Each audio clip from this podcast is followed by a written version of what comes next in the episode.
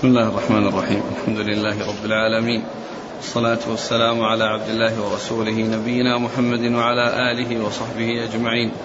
أما بعد فيقول الإمام الحافظ أبو عبد الله بن ماجه القزويني رحمه الله تعالى قال في سننه باب أي مسجد وضع أول. قال حدثنا علي بن ميمون الرقي قال حدثنا محمد بن عبيد حا قال وحدثنا علي بن محمد قال حدثنا أبو معاوية عن الأعمش عن إبراهيم التيمي عن أبيه عن أبي ذر الغفاري رضي الله عنه أنه قال قلت يا رسول الله أي مسجد وضع أول؟ قال المسجد الحرام. قال قلت ثم أي؟ قال ثم المسجد الأقصى. قلت كم بينهما؟ قال أربعون عاما. ثم الأرض لك مصلى. فصل حيثما أدركتك الصلاة. بسم الله الرحمن الرحيم. الحمد لله رب العالمين وصلى الله وسلم وبارك على عبده ورسوله نبينا محمد وعلى آله وأصحابه أجمعين. أما بعد فيقول ابن ماجه رحمه الله باب باب أي أي مسجد وضع أول. يعني ذكر الترجمة على صيغة السؤال الذي جاء في الحديث. يعني أي مسجد وضع أول يعني قبل غيره من المساجد.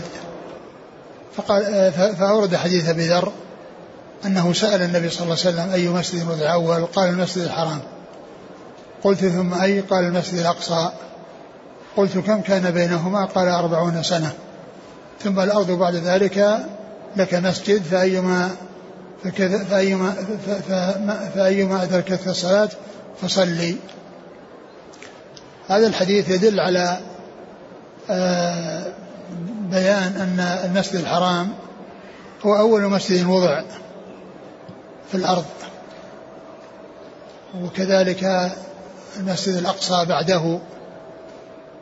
وقد أورد هذا الحديث حديث أبي ذر رضي الله عنه في هذا وأنه سأل النبي صلى الله عليه وسلم هذا السؤال فأجابه بهذا الجواب.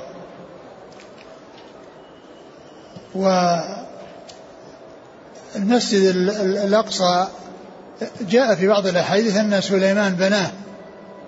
ومعلوم أن سليمان عليه الصلاة والسلام بينه وبين إبراهيم مسافة طويلة. لأن سليمان بن داود وأبوه داود بعد بعد موسى كما جاء في القرآن في قصة الملأ من بني إسرائيل من بعد موسى. وفيهم وفي وفي هذه القصة ذكر داود. وهم بعد موسى. وموسى يعني من بعد يوسف كما جاء في قصة موسى ولقد قد جاءكم يوسف من قبل بالبينات. ما زلتم في شك ما جاءكم به حتى إذا هلك قلتم لن يبعث الله بعده رسولا. فإذا هناك مسافة طويلة بين إبراهيم وبين داود وسليمان عليه الصلاة والسلام. فقيل في معنى ذلك أن أن الوضع إنما كان قبل إبراهيم. وقبل سليمان. وسليمان إنما حصل منه إعادة البناء وتجديد البناء وليس هو أول من أنشأه وأول من أسسه. ولهذا قالوا أو ذكروا أن قوله أي مسجد وضع أول والذي بعده مسجد الأقصى إلا أن أن أن أنه كان قبل قبل إبراهيم وقبل إبراهيم وسليمان. والذي حصل من سليمان إنما هو إعادة البناء وتجديد البناء وإلا فإنه موضوع قبل ذلك. والمسجد الحرام أيضا وضع قبل ذلك يعني قبل إبراهيم عليه الصلاة والسلام. ولهذا الله عز وجل بوأ إبراهيم مكان البيت وأراه مكانه وأراه يعني آه، أسسه وبناه على الكيفية التي بناه عليها هو ابنه إسماعيل وهو على هذه الهيئة الموجودة إلا أن الحجر من جملة البيت والبناء الموجود هو على الطريقة التي كانت عليها قريش لأنهم أخرجوا جزءا من البيت وهو الحجر لأنها قصرت عليهم النفقة. ف فهذان المسجدان من المساجد التي يعني آه، متقدمة وقد جاء أن هذا أول شيء وضع وهذا بعده و وهذا بعده وهي من المساجد المفضلة وهما مع المسجد النبي مسجد النبي صلى الله عليه وسلم هي المساجد الثلاثة التي خير المساجد والتي جاء فيها قوله عليه الصلاة والسلام لا شد رحال إلا إلى ثلاث مساجد المسجد الحرام ومسجد هذا ومسجد الأقصى.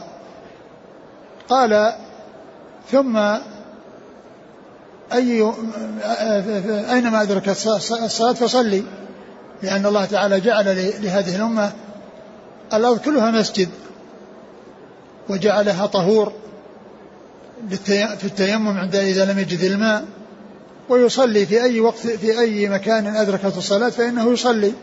عنده مسجده وطهوره. وهذا بخلاف الأمم السابقة التي كان عليها من الآثار يعني ما لم يكن على هذه الأمة وكان لا يصلون إلا في أماكن معينة. وأما هذه الأمة تصلي في أي مكان بالمساجد الفاضلة وفي غير المساجد الفاضلة. نعم. قال حدثنا علي بن ميمون الرقي هو؟ ثقة أخرجه النسائي بن ماجه. نعم. عن محمد بن عبيد وهو الطنافسي وهو؟ ثقة أخرجه أصحاب الكتب. نعم.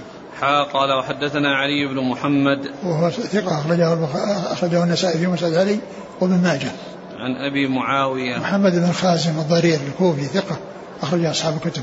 عن الأعمش. سليمان المهران ثقة أخرج أصحاب الكتب. عن إبراهيم التيمي. وهو ثقة أخرج له أصحاب كتب. الكتب. عن أبيه. عن أبيه. أخرج له وهو ثقة أخرج أصحاب الكتب. عن أبي عن أبي ذر. جندب بن جنادة رضي الله عنه أخرج له أصحاب الكتب. هل صحيح أن أول من بنى المسجد الحرام آدم؟ ما أدري عن صحته ذكر هذا ولا أدري عن صحته. قيل إن يعقوب عليه السلام هو الذي بنى المسجد الأقصى فما صحة ذلك؟ وما ما أعلم. لا أعلم شيء يدل على هذا. قال رحمه الله تعالى باب المساجد في الدور. قال حدثنا أبو مروان محمد بن عثمان قال حدثنا إبراهيم بن سعد عن ابن شهاب عن محمود بن الربيع الأنصاري رضي الله عنه وكان قد عقل مجة مجها رسول الله صلى الله عليه وسلم في دلو في بئر لهم. عن عتبان بن مالك السالمي رضي الله عنه وكان إمام قومه بني سالم وكان شهد بدرا مع رسول الله صلى الله عليه وسلم أنه قال جئت رسول الله صلى الله عليه وسلم فقلت يا رسول الله إني قد أنكرت من بصري وإن السيل يأتي فيحول بيني وبين مسجد قومي ويشق علي اجتيازه فإن رأيت أن تأتيني فتصلي في بيتي مكانا أتخذه مصلى فافعل. قال أفعل. فغدا رسول الله صلى الله عليه وسلم أبو بكر رضي الله عنه بعدما اشتد النهار واستأذن فأذنت له ولم يجلس حتى قال أين تحب أن أصلي لك من بيتك؟ فأشرت له إلى المكان الذي أحب أن أصلي فيه. فقام رسول الله صلى الله عليه وسلم وصففنا خلفه فصلى بنا ركعتين ثم احتبسته على خزيرة تصنع لهم. ثم ذكر باب في المسا... اتخاذ المساجد في الدور. يعني اتخاذ المساجد يعني تحديد يعني مكان للصلاة في البيت. والمقصود بالدور هنا البيوت.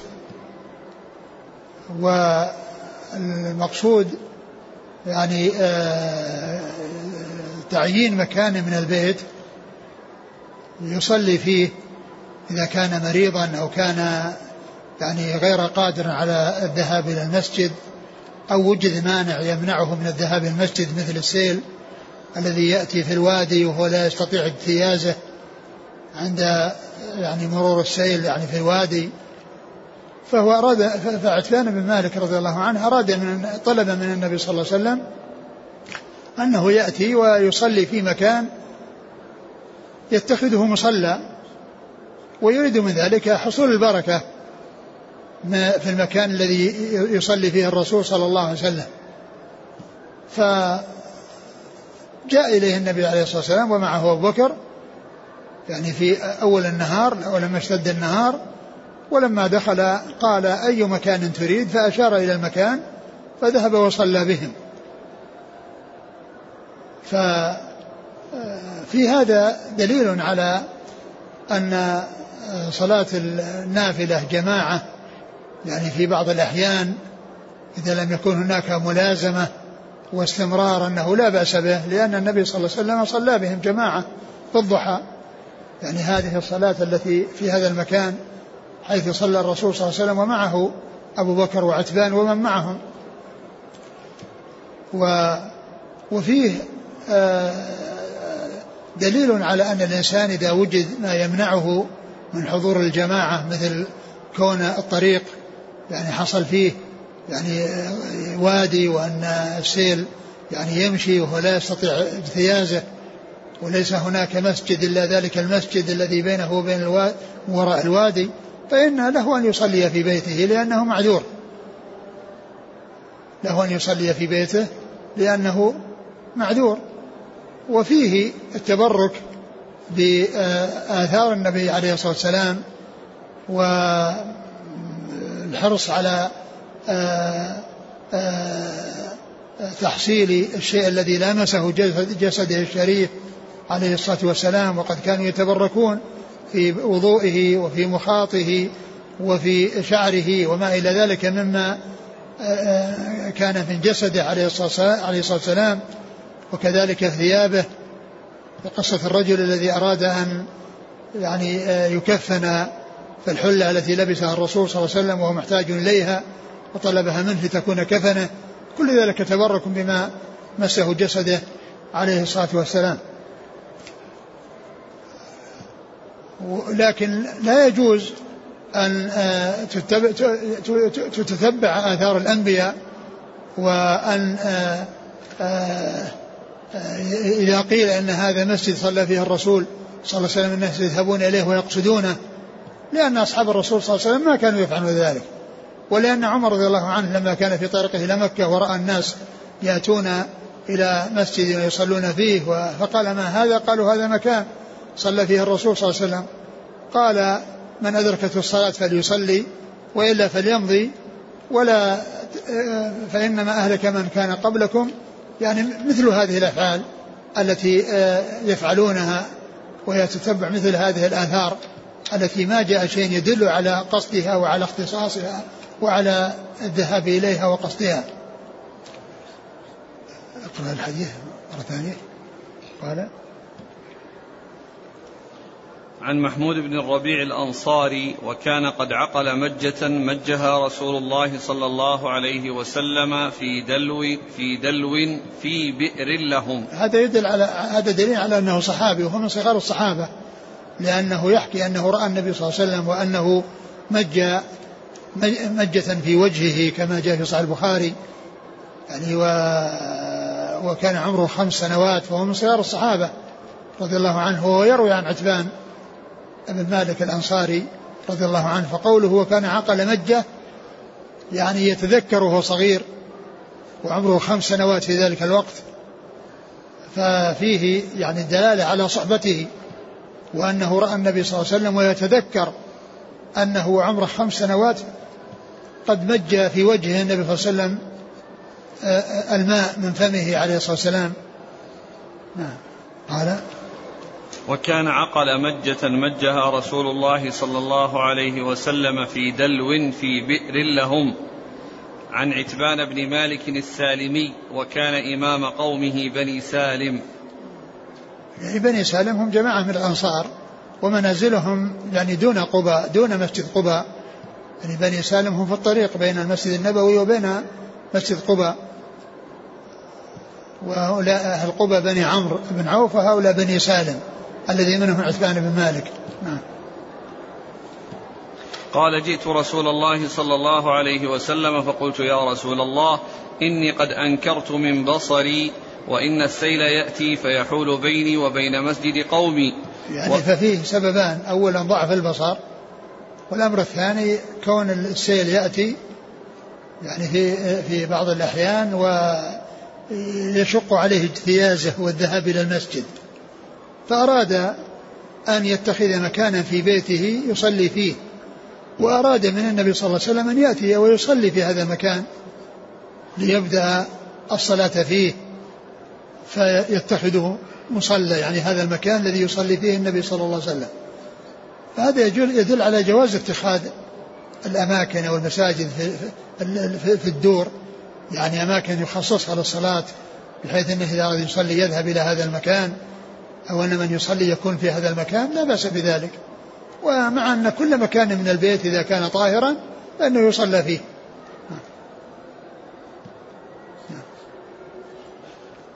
ويشق علي اجتيازه فإن رأيت أن تأتيني فتصلي في بيتي مكانا أتخذه مصلى فافعل. وهذا من الأدب. قال إن رأيت أن تأتي. يعني هذا من الأدب في الخطاب.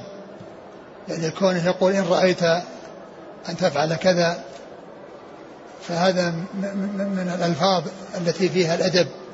نعم. قال أفعل. فغدا رسول الله صلى الله عليه وسلم وأبو بكر بعدما اشتد النهار واستأذن فأذنت له ولم يجلس حتى قال أين تحب أن أصلي لك من بيتك؟ فأشرت له إلى المكان الذي أحب أن أصلي فيه. فقام رسول الله صلى الله عليه وسلم وصففنا خلفه فصلى بنا ركعتين ثم احتبسته على خزيرة تصنع لهم. يعني صلى بهم ركعتين في الضحى. صلى بهم ركعتين في الضحى وهذا يدل على جواز الصلاة جماعة في النافلة في بعض الأحيان إذا لم يتخذ يعني آه، شيء ثابت وشيء يعني آه، يلتزمه الناس.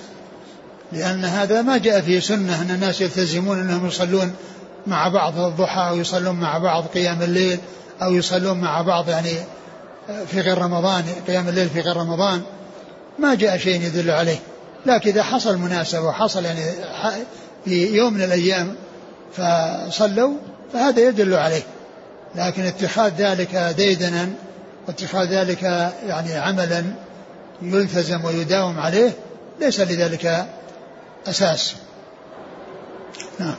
ثم احتبسته على خزيرة تصنع له ثم احتبسه يعني بعد ما صلى أراد أن يجلس عنده النبي صلى الله عليه وسلم في بيته في انتظار الخزيرة التي أراد أن يقدمها للنبي صلى الله عليه وسلم.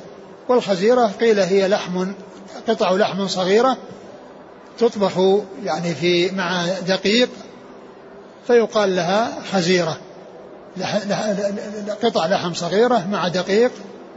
هذا يقال له خزيرة. وإذا كان بدون لحم فيقال له عصيدة. إذا كان دقيق بدون لحم أو بدون شيء معه يقال له عصيدة. وإذا كان معه قطع اللحم هذه يقال له خزيرة. نعم. قال حدثنا أبو مروان محمد بن عثمان. هو؟ صدوق يخطئ أخرج له النسائي في الخصائص وابن ماجه. نعم. قال حدثنا إبراهيم بن سعد ثقة أخرج أصحاب الكتب عن ابن شهاب محمد بن مسلم بن عبد الله ثقة أخرج أصحاب الكتب. عن محمود بن الربيع. محمود بن الربيع أخرج له. أصحاب الكتب. نعم. عن عتبان بن مالك. عتبان مالك رضي الله عنه أخرج له. البخاري ومسلم وأبو داود في مسند مالك والنسائي وابن ماجه. محمود بن الربيع من صغار الصحابة. والزهري من صغار التابعين. ففيه رواية التابعي الصغير عن صحابي صغير. يقول هذا السائل إذا كان علة طلب عتبان من النبي صلى الله عليه وسلم هو رجاء البركة. فهل يكون دليلا على التبرك بكل موضع ثبت أن النبي صلى الله عليه وسلم صلى فيه كالمساجد السبعة؟ الرسول ما صلى صلى الله عليه وسلم ما صلى في مساجد سبعة. ولا يعني في مساجد سبعة. وما ثبت يعني كون الرسول صلى فيها. وكيف تكون مساجد ما بينها إلا أمتار قليلة؟ هذا هذه من الأشياء المحدثة التي يعني آه، ليست آه، الرسول صلى الله عليه وسلم لم يصلي بها. و آه، ولا يقصد أي مسجد إلا شيء جاء فيه, فيه فضيلة تدل على قصده. تدل على قصده. وهذا المكان الذي أراده من بيته معين ليصلي فيه وكون النبي أول من صلى فيه وبقعة صلى فيها الرسول صلى الله عليه وسلم فهو يصلي في هذا المكان. لكن لا يذهب الناس يعني إذا علموا أن في مسجد صلى فيه الرسول صلى الله عليه وسلم يذهبون إليه ويقصدونه.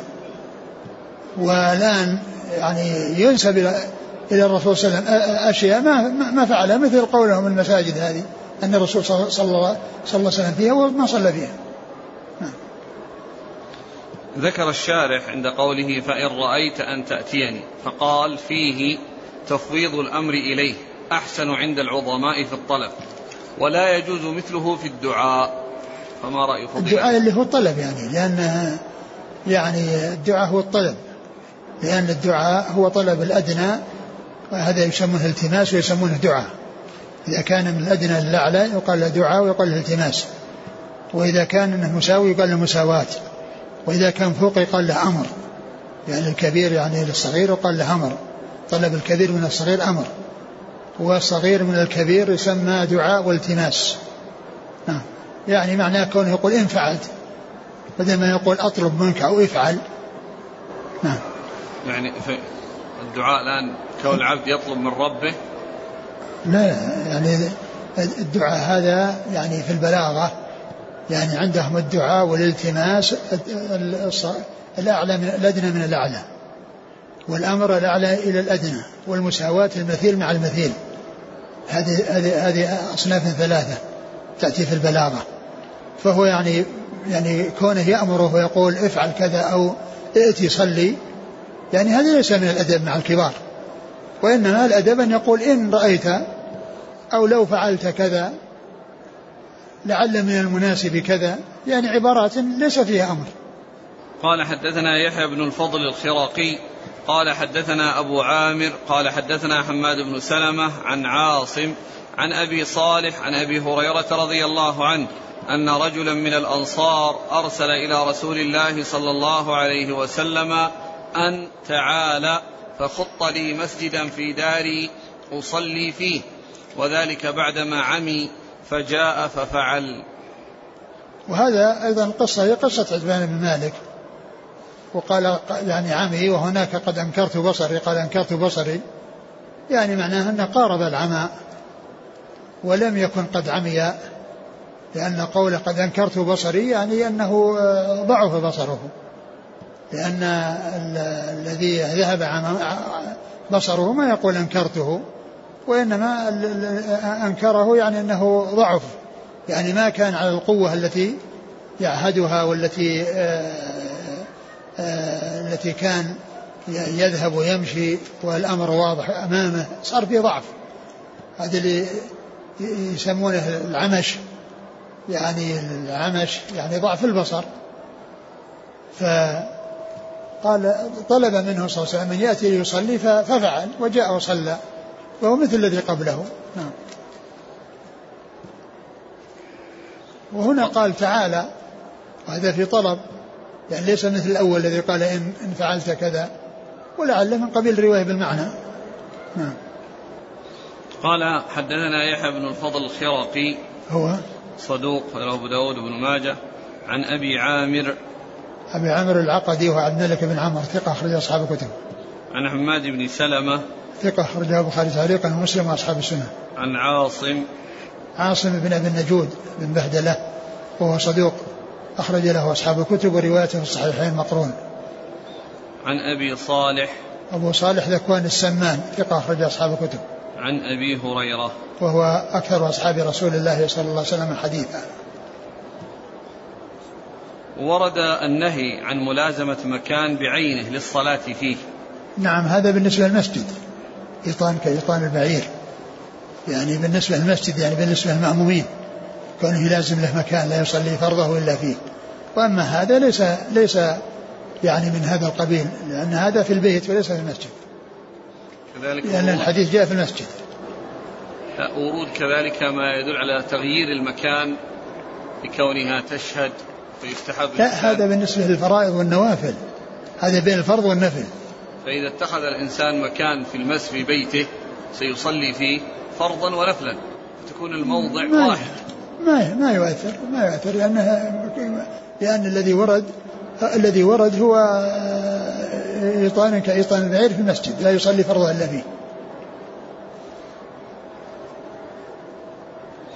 قال حدثنا يحيى بن حكيم قال حدثنا ابن أبي عدي عن ابن عون عن أنس بن سيرين عن عبد الحميد بن المنذر بن الجارود عن أنس بن مالك رضي الله عنه أنه قال صنع بعض عمومتي للنبي صلى الله عليه وسلم طعاما. فقال للنبي صلى الله عليه وسلم إني أحب أن تأكل في بيتي وتصلي فيه. قال فأتاه. وفي البيت فحل من هذه الفحول فأمر بناحية منه فكنس ورش فصلى وصلينا معه. قال أبو عبد الله بن ماجه الفحل هو الحصير الذي قد اسود. ثم ذكر هذا الحديث يعني يعني بعض عمومته وهنا أبهم الداعي للرسول صلى الله عليه وسلم وهو عتبان. بن مالك صاحب القصة وجاء إليه النبي صلى الله عليه وسلم طلب منه أن يأتي ليصلي يأكل طعاما عنده وليصلي في بيته. فجاء وكان هناك فحل يعني قيل الفحل هو ذكر النخل ذكر النخل. ف وكان يعني الحصير يعني من من خوصه ومن عسبه. فرش ذلك المكان وصلى على ذلك الحصير الذي هو من ذلك الفحل الذي هو آه الذي هو من آه ذكر النخل. فيعني ذكر الفحل آه، وأنه صلى على المكان الذي رش والحصير الذي أخذ يعني نسب إليه لأنه لأنه من ذلك الفحل الذي هو آه، النخلة التي هي ذكر النخل وقد أخذ من سعفه وخوصه الحصير والحصور تتخذ من آه، سعف النخل. نعم.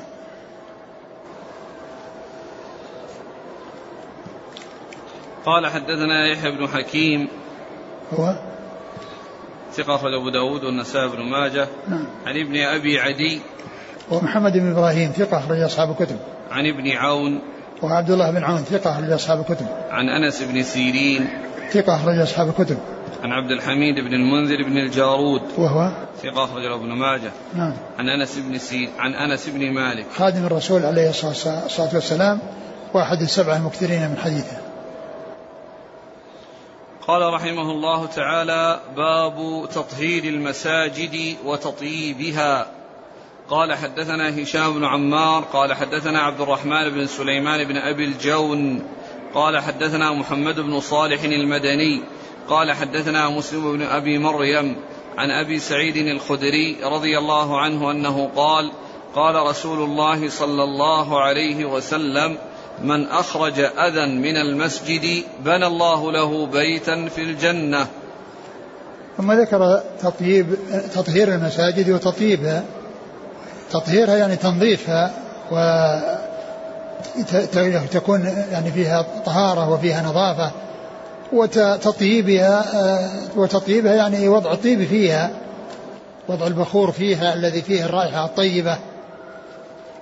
فأورد في هذا الحديث عن أبي سعيد رضي الله عنه أن النبي صلى الله عليه وسلم قال من أخرج أذى من المسجد بنى الله له بيتا في الجنة. يعني أي شيء من من الأذى يعني أي شيء قدر أو شيء يعني فيه إيذاء للمصلين فأخرجه من المسجد فإن فيه ذلك الأجر. وأن الله تعالى يبني له بيتا في الجنة لأنه سعى أو عمل على طهارة هذا البيت من بيوت الله عز وجل. ولا شك أن في ذلك أجر عظيم وثواب جزيل لكن الحديث الذي يورد في ذلك ضعيف لأن فيه انقطاع فيه انقطاع بين مسلم مسلم بن أبي مريم وبين أبي سعيد. نعم. قال حدثنا هشام بن عمار. آه، صدوق خليه البخاري وأصحاب السنة. عن عبد الرحمن بن سليمان بن أبي الجون. وهو؟ صدوق يخطئ وله ابن ماجه. نعم. عن محمد بن صالح المدني. وهو؟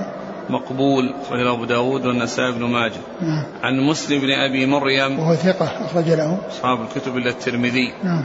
عن أبي سعيد الخدري. وهو سعد بن مالك بن سنان رضي الله عنه أحد السبعة المكثرين من حديث الرسول صلى الله عليه وسلم. قال حدثنا عبد الرحمن بن بشر بن الحكم وأحمد بن الأزهر.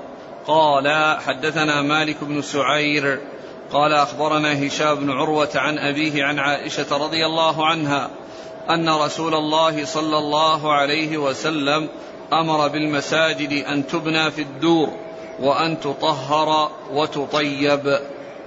ثم ذكر هذا الحديث عن النبي صلى الله عليه وسلم أنه أمر في المساجد أن تبنى في الدور وأن تطهر وتطيب.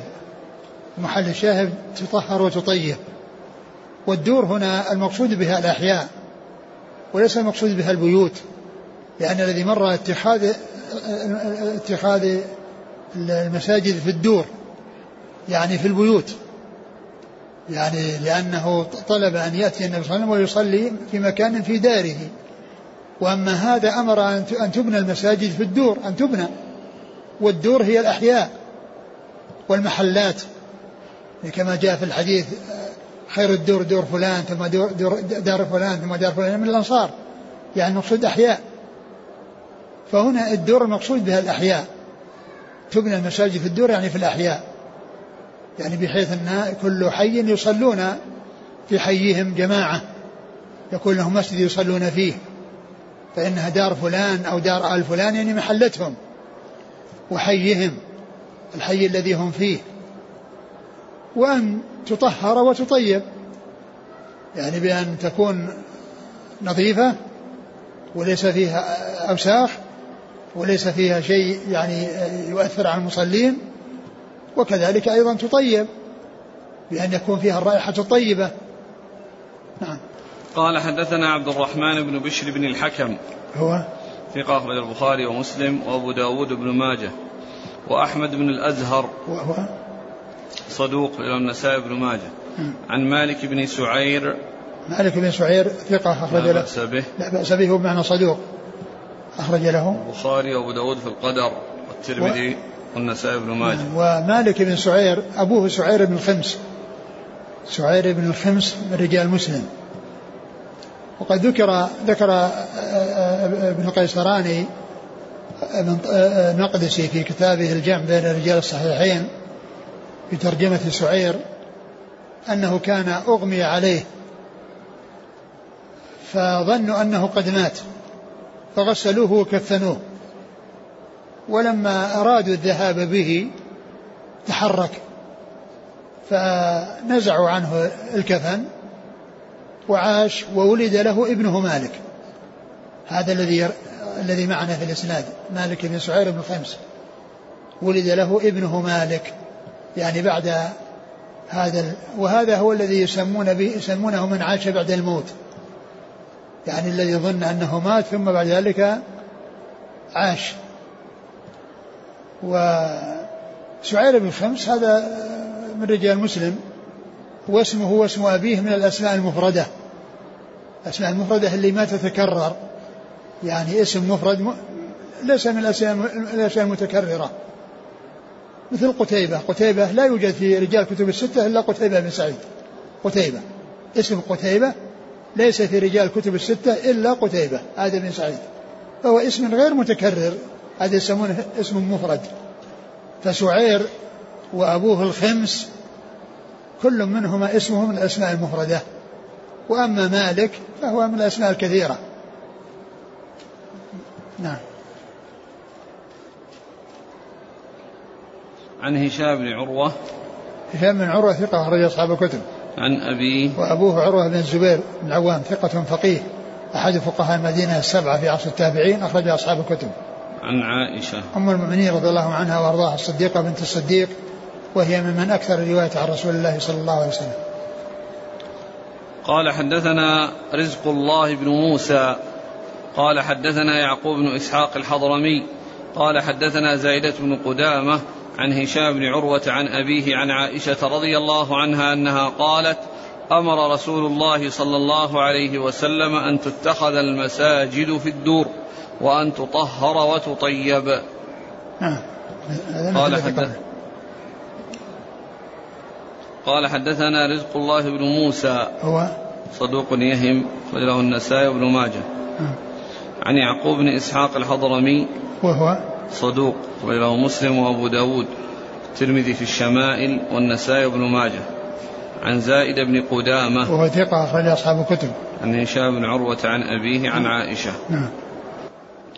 قال حدثنا أحمد بن سنان قال حدثنا أبو معاوية عن خالد بن إياس عن يحيى بن عبد الرحمن بن حاطب عن أبي سعيد الخدري رضي الله عنه أنه قال أول من أسرج في المساجد تميم الداري.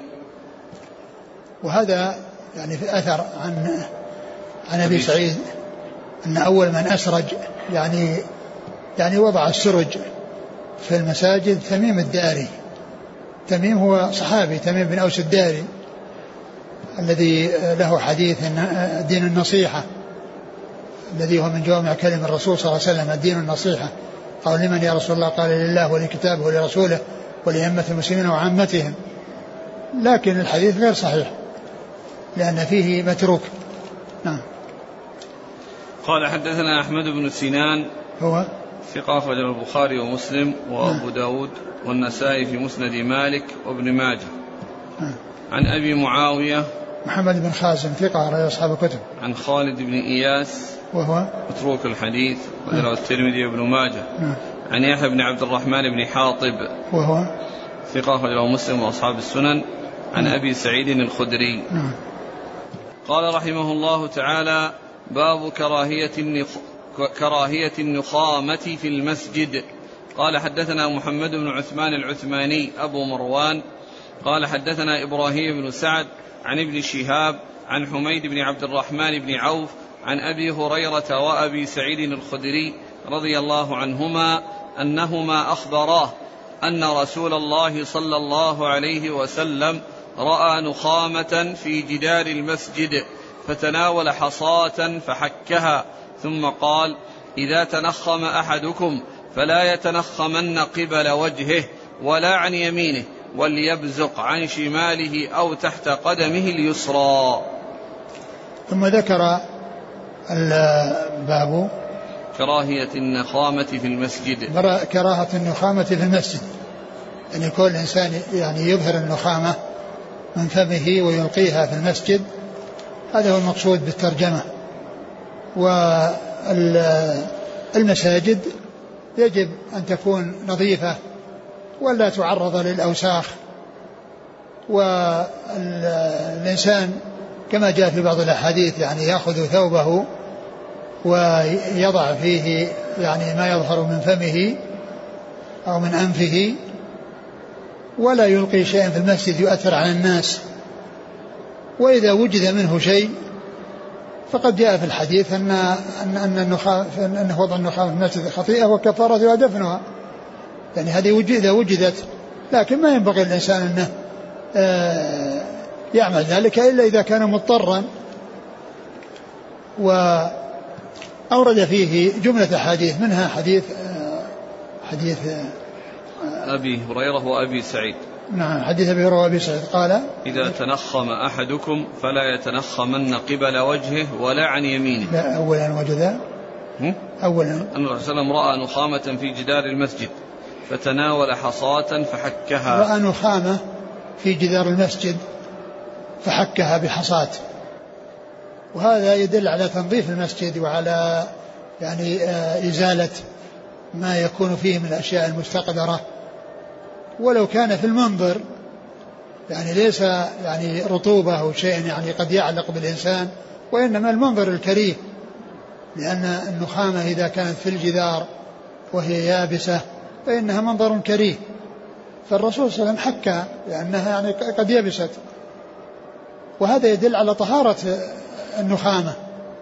لأن لو كانت نجسة يعني فإن حكها لأن الحك يتساقط المحكوك ويقع في الأرض.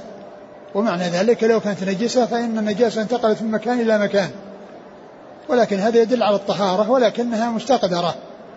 من أجل الاستقدار الرسول صلى الله عليه وسلم حكها حتى لا يرى المنظر المستقدر. وليس ذلك للنجاسة لأن لأن لو كانت نجاسة كان آه، يجعل شيء يعني يلزم تقع فيه بحيث أنه يخرج. ولكنها ولكنها طاهرة ولكنها من أجل أنها مستقدرة وشيء يعني منظر كريه. الرسول صلى الله عليه وسلم حكه بالحصاة حتى وقع. ثم قال قال إذا تنخم أحدكم فلا يتنخمن قبل وجهه ولا عن يمينه. وهذا يعني آه، مطلقة. الإنسان عندما يتنخم ما يتنخم أمامه ولا يتنخم عن يمينه لأن جهة جهة اليمين محترمة. كما أن الإنسان يعني يستعمل اليمين للأشياء المحترمة في آه، يعني في اليدين والرجلين. يعني يبدأ بالشيء اليمين في الأشياء المحترمة ويبدأ باليسار في الأشياء الممتهنة أو يستعمل اليسار في الأشياء الممتهنة. فإذا آه، نهى أن يبصق الإنسان أمامه مطلقا سواء في المسجد أو غيره.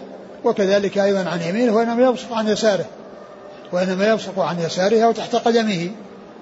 يعني بحيث وإذا وضعها أيضا يعني يدفنها يدفن هذا الشيء الذي يعني لا يتركه منظر يعني حتى عند الناس في الشوارع أو في الأماكن. يعني آه، الأشياء المستقدرة آه، ما يصلح أن تكون لا في المساجد ولا في غير المساجد. ولكن إذا تلخم أحدكم فلا يتلخمن قبل وجهه ولا عن يمينه. نعم. قلتم هذا مطلق. نعم. يعني في المسجد وغير المسجد لكن المسجد كما هو معلوم إذا اضطر إلى ذلك ويدفنه. لكن قبل ذلك يستعمل الشيء الذي آه، يمكن أن آه، يكون فيه السلامة بدون ما يحصل أذى وهو يعني ثيابه أو مناديل تكون معه. وليبزق عن شماله أو تحت قدمه نعم. اليسرى. نعم. قال حدثنا محمد بن عثمان العثماني أبو مروان عن إبراهيم بن سعد عن ابن شهاب عن حميد بن عبد الرحمن بن عوف. هو ثقة أخرج أصحاب الكتب. عن أبي هريرة وأبي سعيد. نعم. قال حدثنا محمد بن طريف. قال حدثنا عائذ بن حبيب عن حميد عن أنس رضي الله عنه أن النبي صلى الله عليه وعلى آله وسلم رأى نخامة في قبلة المسجد فغضب حتى احمر وجهه فجاءته امرأة من الأنصار فحكتها وجعلت مكانها خلوقا. فقال رسول الله صلى الله عليه وسلم ما أحسن هذا؟ وهذا أيضا فيه آه، تطهير المساجد وتنظيفها وتطييبها لأن هذا فيه هذا وهذا. لأنها طهر لأن المرأة طهرت المسجد من هذا القدر الذي يشاهد ويعاين وأتت وضعت مكانها خلوقا. يعني هو الطيب الذي يكون من الزعفران وغيره. فقال النبي صلى الله عليه وسلم ما أحسن هذا؟ لأنها أزالت سيئا وأتت بطيب. أزالت شيئا مستكرها وأتت بشيء مستحب الذي هو الطيب. وقد غضب النبي صلى الله عليه وسلم لهذا العمل. وهذا يدل على الحذر أو يعني وجوب الحذر من آه، امتهان المساجد والتساهل في أمرها وكون الإنسان آه، يتنخم فيها أو يعني يحصل منه أشياء آه، آه، يستقدرها الناس ويشمئزون منها. فإن المساجد مطلوب تطهيرها وتنظيفها وعدم وعدم حصول أي شيء فيه إساءة إلى المصلين بحيث ينظرون إلى منظر كريه. وفي عمل هذه المرأة الجمع بين إزالة السيء والإتيان بالطيب. ولهذا النبي صلى الله عليه وسلم قال ما أحسن هذا؟ يعني كونها أزالت ما يستكره وأتت بما يستحب وما ينبغي. نعم. قال حدثنا محمد بن طريف هو صدوق له مسلم وأبو داود والترمذي وابن ماجه. نعم. عن عائذ بن حبيب وهو صدوق رجله النسائي وابن ماجه. عن حميد عن أنس. نعم. وهذا من الرباعيات. نعم. قال حدثنا محمد بن رمح المصري قال أخبرنا الليث بن سعد عن نافع عن عبد الله بن عمر رضي الله عنهما أنه قال رأى رسول الله صلى الله عليه وسلم نخامة في قبلة المسجد وهو يصلي بين يدي بين يدي الناس فحتها. ثم قال حين انصرف من الصلاة إن أحدكم إذا كان في الصلاة كان الله قبل وجهه فلا يتنخمن أحد قبل وجهه في الصلاة. ثم ذكر هذا الحديث أن النبي صلى الله عليه وسلم كان يصلي بالناس وهو إمامهم فرأى نخامة في القبلة فحكها يعني وهو يصلي. ولما انصرف قال قال إذا إذا تنخم. إن أحدكم إذا كان في الصلاة كان الله قبل وجهه فلا يتنخمن أحد قبل وجهه في الصلاة. ثم يعني قال إن إن إن إن, إن, إن, إن الله عز وجل إذا إذا كان كان في الصلاة فإن الله قبل وجهه. فلا يتنخمن أحد قبل وجهه في الصلاة. وهذا فيه النهي عن أن يتنخم قبل وجهه وكذلك أيضا عن يمينه كما سبق أن مر وعن يساره كذلك إلا إذا كان مضطرا فإن له يجعل يسارها تحت قدمه. وهذا فيما إذا كان ما عند أحد عن يساره. وإلا فإن المساجد يعني ينبغي أن تنظف وألا يوضع فيها ولو, ولو في التراب إلا إذا كان مضطرا إلى ذلك. وإلا فإن ثوبه وما يحمله من المناديل هو الذي ينبغي أن يكون فيه مثل هذه الأشياء المستقدرة التي آه، في إيجادها في المسجد إساءة إلى الناس وكونهم يرون المناظر الكريهة التي يشمئزون منها. قالوا فإن الله قبل وجهه الله عز وجل هو فوق العرش سبحانه وتعالى. وقد فسر يعني هذا في بأنه تعظيم الأمر القبلة وأن الإنسان يعني لا يكون. وفسر بأن الله قبل وجهه لأن الله تعالى آه هو الكبير المتعال وهو أكبر من كل شيء. وقد جاء عن ابن عباس أن السماوات والأراضين في كف الرحمن مثل الخردلة في كف أحدنا ولله المثل الأعلى. وقد قال الله عز وجل ولله المشرق والمغرب فأينما تولوا فثم وجه الله. يعني أي جهة يتجه فإن الله تعالى أمامه لأن الله تعالى محيط بكل شيء وهو أكبر من كل شيء. و شأنه كما قال ابن عباس في هذا الأثر أن أن السماوات هي كخردلة في كف أحدنا. يعني ومعنى ذلك أن من كان في داخل الخردلة فإنه أينما اتجه فإن الذي محيط بالخردلة والذي هو ممسك بالخردلة فإنه آه، قبله في أي جهة اتجه. وقد ذكر ابن القيم في كتابه آه، مختصر الصواعق الكلام على هذه الآية ولله المشرق والمغرب فإنما تولوا فثم وجه الله؟ وأنها من آيات الصفات وليست وليس المقصود بها القبلة. وقد جاء عن شيخ الإسلام ابن تيمية يعني بيان أنها القبلة وهذا مما اختلف فيه رأي شيخ الإسلام مع تلميذه ابن القيم.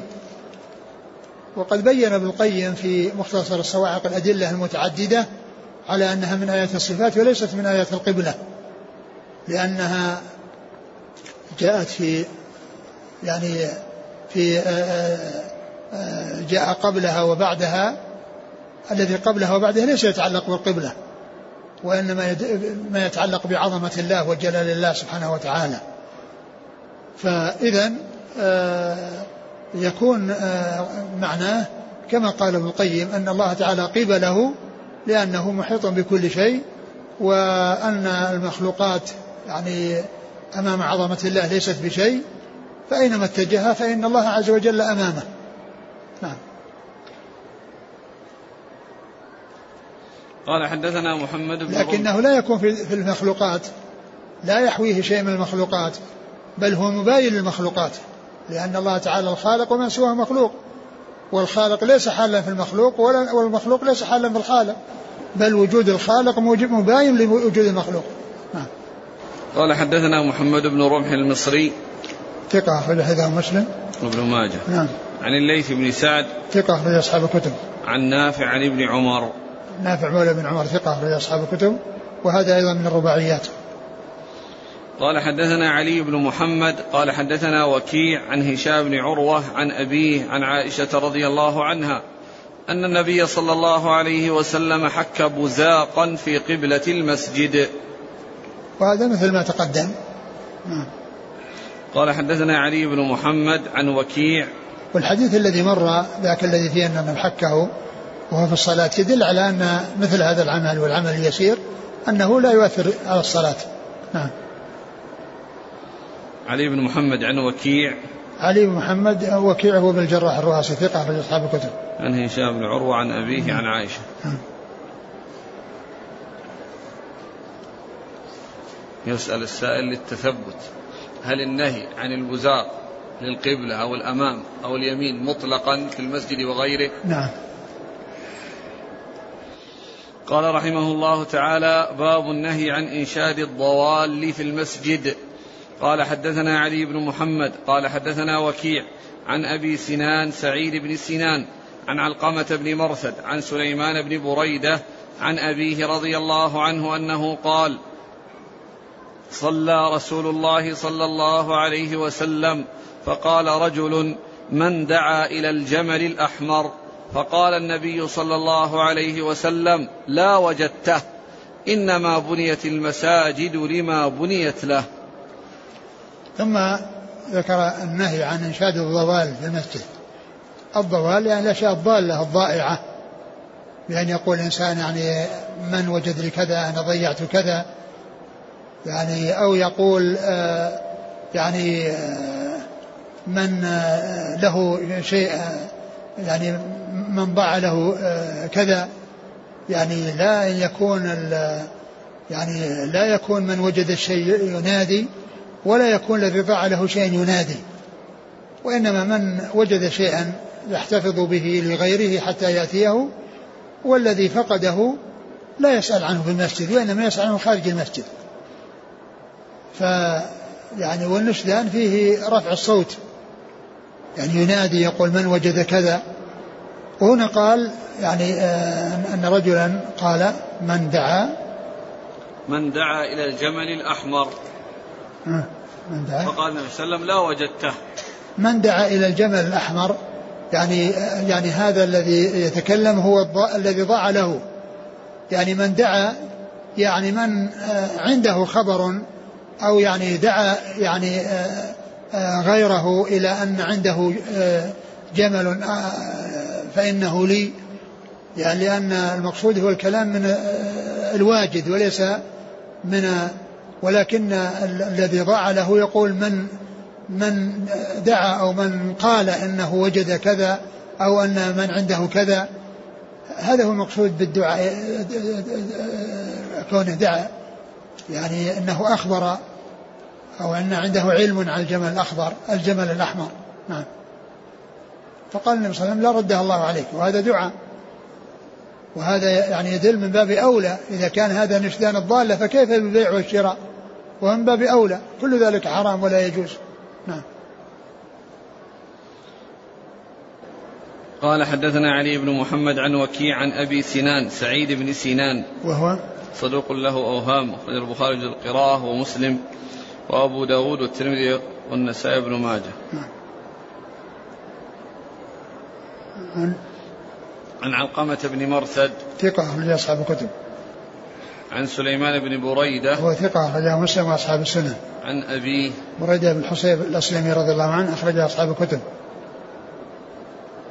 قال حدثنا محمد بن رمح. قال أخبرنا ابن لهيعة قال وحدثنا أبو كريب قال حدثنا حاتم بن إسماعيل جميعا عن ابن عجلان عن عمرو بن شعيب عن أبيه عن جده رضي الله عنه أن رسول الله صلى الله عليه وسلم نهى عن إنشاد الضالة في المسجد. ثم ذكر حديث عبد الله بن عمرو عبد الله بن عمرو العاص رضي الله عنهما ومثل الذي قبله أن النبي صلى الله عليه وسلم نهى عن إنشاد الضالة في المسجد.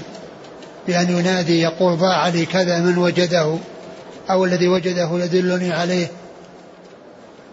فإن المساجد لم تبنى لهذا وإنما بنيت لذكر الله عز وجل والإنسان عندما يفقد شيئا لا ينادي في المسجد وإنما ينادي خارج المسجد.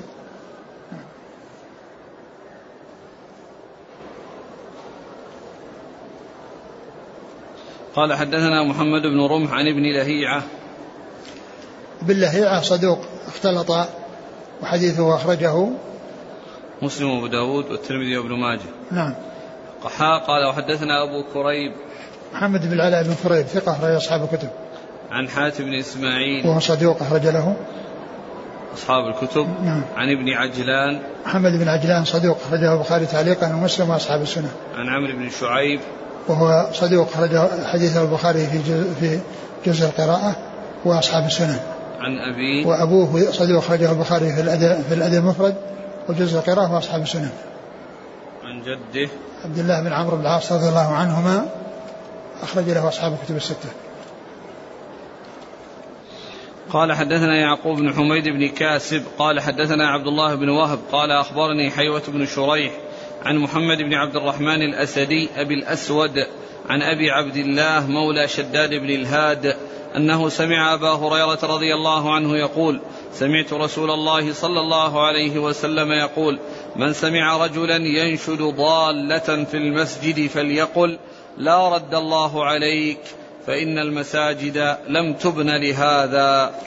وهذا مثل ما تقدم يعني النبي صلى الله عليه وسلم يرشد أن من سمع منشدا يقول يعني ينادي فليقل لا ردها الله عليك فإن المساجد لم تبنى لهذا.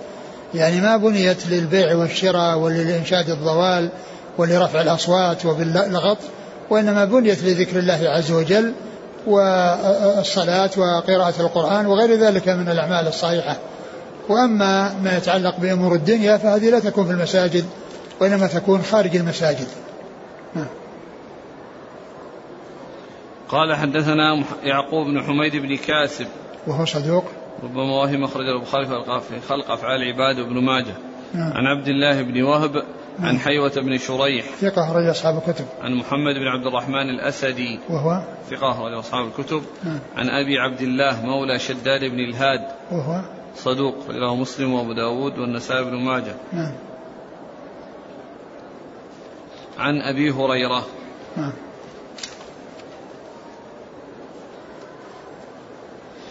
عدد من الأسئلة يقول من ضاع له ولد في المسجد. ينشد عنه ولا؟ لا ما ينادي. أقول لا ينادي لا يصوت ولكنه يعني يبحث عنه بدون تصويت.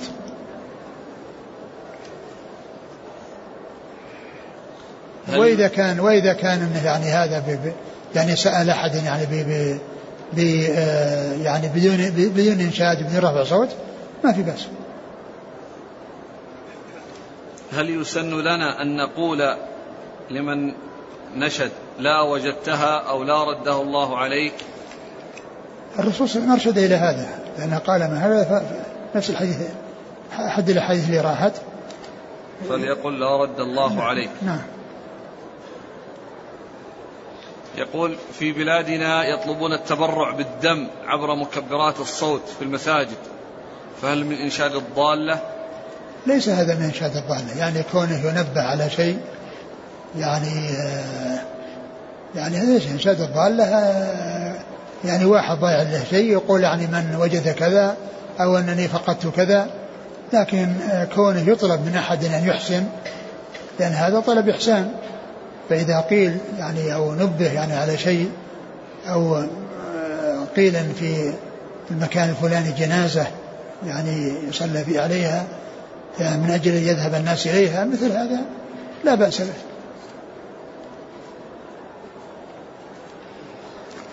ولكن حتى من قضية الدم يعني وكونه ينادى في المسجد بالمكبرات الصوت ما ينبغي.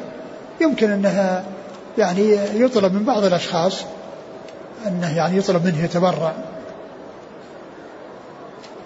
لأن مثل هذا لو حصل يعني معناه يصير دائما المساجد إعلانات. في المكبرات عن التبرع. هذه يعني الإنشاد الضالة كأن ممن ضاع منه. لو كانت المسألة بالعكس من وجد شيئا فقال لمن هذا؟ لا كذلك. هذا لا يصوت. أقول لا يصوت. إنشاد الضالة هو كما هو معلوم أن ينادي يقول يعني من وجد لي كذا ضاع لي كذا لمن وجده ويرفع صوته وينادي. هذا هو الإنشاد وأما لو يعني ضاع له شيء وسأل الناس قال ضاع لي كذا يعني فهل رأيتموه؟ ومثلا ضاع يعني وجدت أني وضعت كتابي في المكان الفلاني وأني ما ما وجدته هذا ما يقال إنشاد إنشاد أن يكون يصوت وينادي. فكذلك أيضا الذي يعني وجدها لا ينادي. إما أن يحتفظ بها أو يضعها عند باب المسجد يعلقها بحيث الناس يعني يرونها وهم خارجون والذي لا يصلح في المساجد هو النداء. وأما لو أن إنسانا يعني يعني ما نادى ولكنه جاء يبحث عن الشيء في مكانه وقال وضعت كتابي في المكان مكان ما وجدته هذا لا يقال إنه إنشاد. الإنشاد رفع الصوت ومنادات. ضاع لي كذا. فيشوش على الناس ويكون يعني شغل الناس في الدنيا. ويسمعون شيء في طلب الدنيا رفع الصوت بذلك. هذا هو الذي وأما مسألة النداء كونه يقول من وجد كذا أيضا لا يقول. لا يقول إني وجدت كذا من ضاع له كذا فليأتي إلي. ما يفعل. وإنما إما يحتفظ به وإذا جاء أحد يسأل يعطيه إياه أو يعلقه عند باب المسجد. نعم.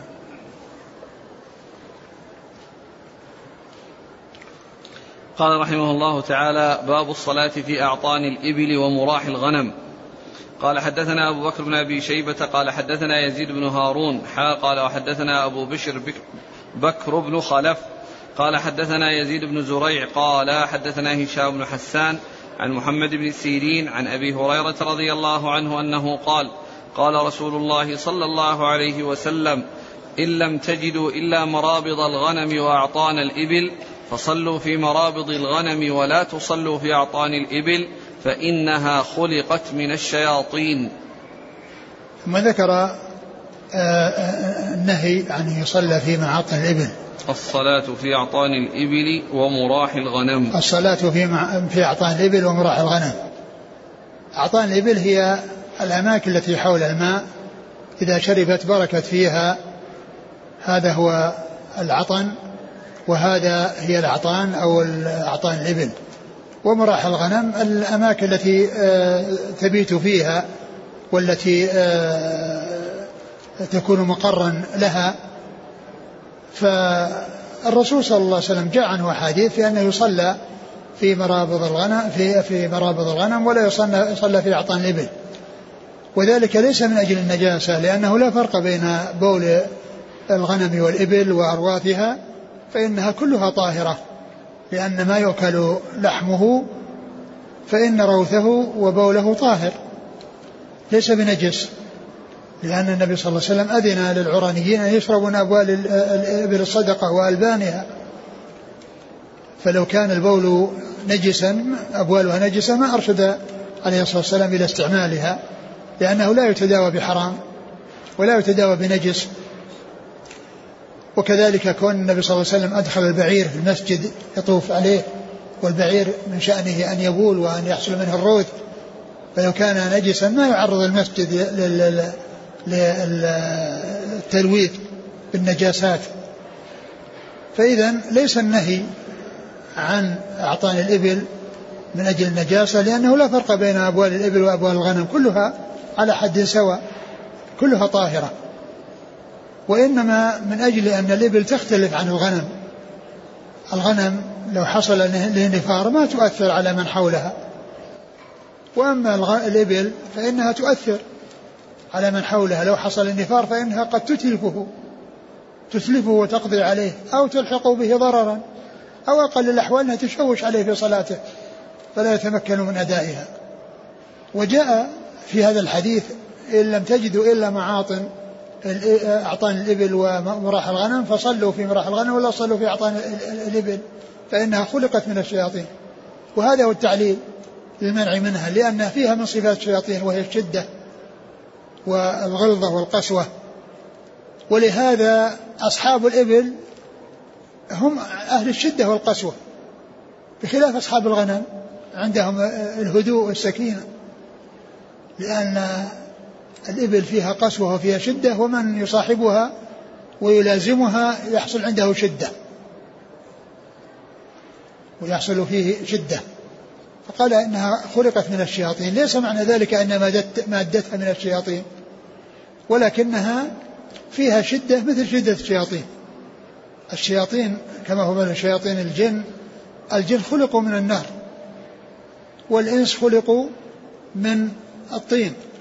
والتراب والجن فيهم شياطين والإنس فيهم شياطين والإبل فيها شدة مثل شدة الشياطين فإذا تؤثر على من يكون حولها تؤثر على من يكون حولها ولا وليس معنى ذلك خلقت من الشياطين أن هذه أصل مادتها لأن كل دابة خلقها الله من ماء كما جاء في القرآن.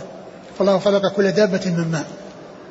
فلا يقال أن أصلها يعني الشياطين لأن الإنس والجن آه، الإنس من تراب والجن من مارج من نار والإنس فيهم شياطين والجن فيهم شياطين.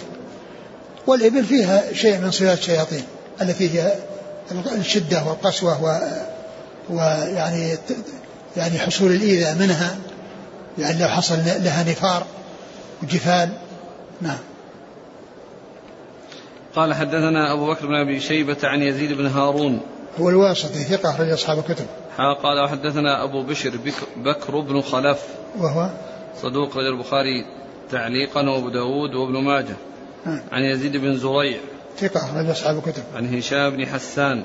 ثقة أخرج أصحاب الكتب. عن محمد بن سيرين. ثقة أخرج أصحاب الكتب. عن أبي هريرة. حسان هشام بن حسان هو الذي قال عنه بعض العلماء وكان عابدا أنه قال لو قيل لحسان هشام بن حسان إن ملك الموت بالباب ما كان بإمكانه أن يزيد شيئا عما كان عليه من العبادة لأنه ملازم للعبادة. فإذا جاءه الموت يأتيه وهو على حالة حسنة. قيل يعني أنه قال لو قيل لحسان بن ثابت لهشام بن حسان أن ملك الموت بالباب ما كان بإمكانه أن يزيد شيئا. وقد مر وقد وقد ذكروا في ترجمة صفوان بن سليم أنه لو قيل له الساعة غدا يعني بكرة تقوم الساعة يعني ما كان بإمكانه يأتي بشيء جديد. قال حدثنا أبو بكر بن أبي شيبة قال حدثنا هشيم عن يونس عن الحسن عن عبد الله بن مغفل المزني رضي الله عنه أنه قال قال النبي صلى الله عليه وسلم صلوا في مرابض الغنم ولا تصلوا في أعطان الإبل فإنها خلقت من الشياطين. وهذا مثل الذي قبله. قال حدثنا أبو بكر بن أبي شيبة عن هشيم. هشيم بشير الواسطي ثقة أخرج أصحاب الكتب. عن يونس عن الحسن. يونس بن عبيد نعم. ثقة أخرج أصحاب الكتب. عن الحسن. حسن بن أبي الحسن ثقة أخرج أصحاب الكتب. عن عبد الله بن مغفل. رضي الله عنه أخرج أصحاب الكتب. قال حدثنا أبو بكر بن أبي شيبة عن زيد بن الحباب قال حدثنا عبد الملك بن الربيع بن سبرة بن معبد الجهني قال أخبرني أبي عن أبيه رضي الله عنه أن رسول الله صلى الله عليه وسلم قال لا يصلى في أعطان الإبل ويصلى في مراح الغنم.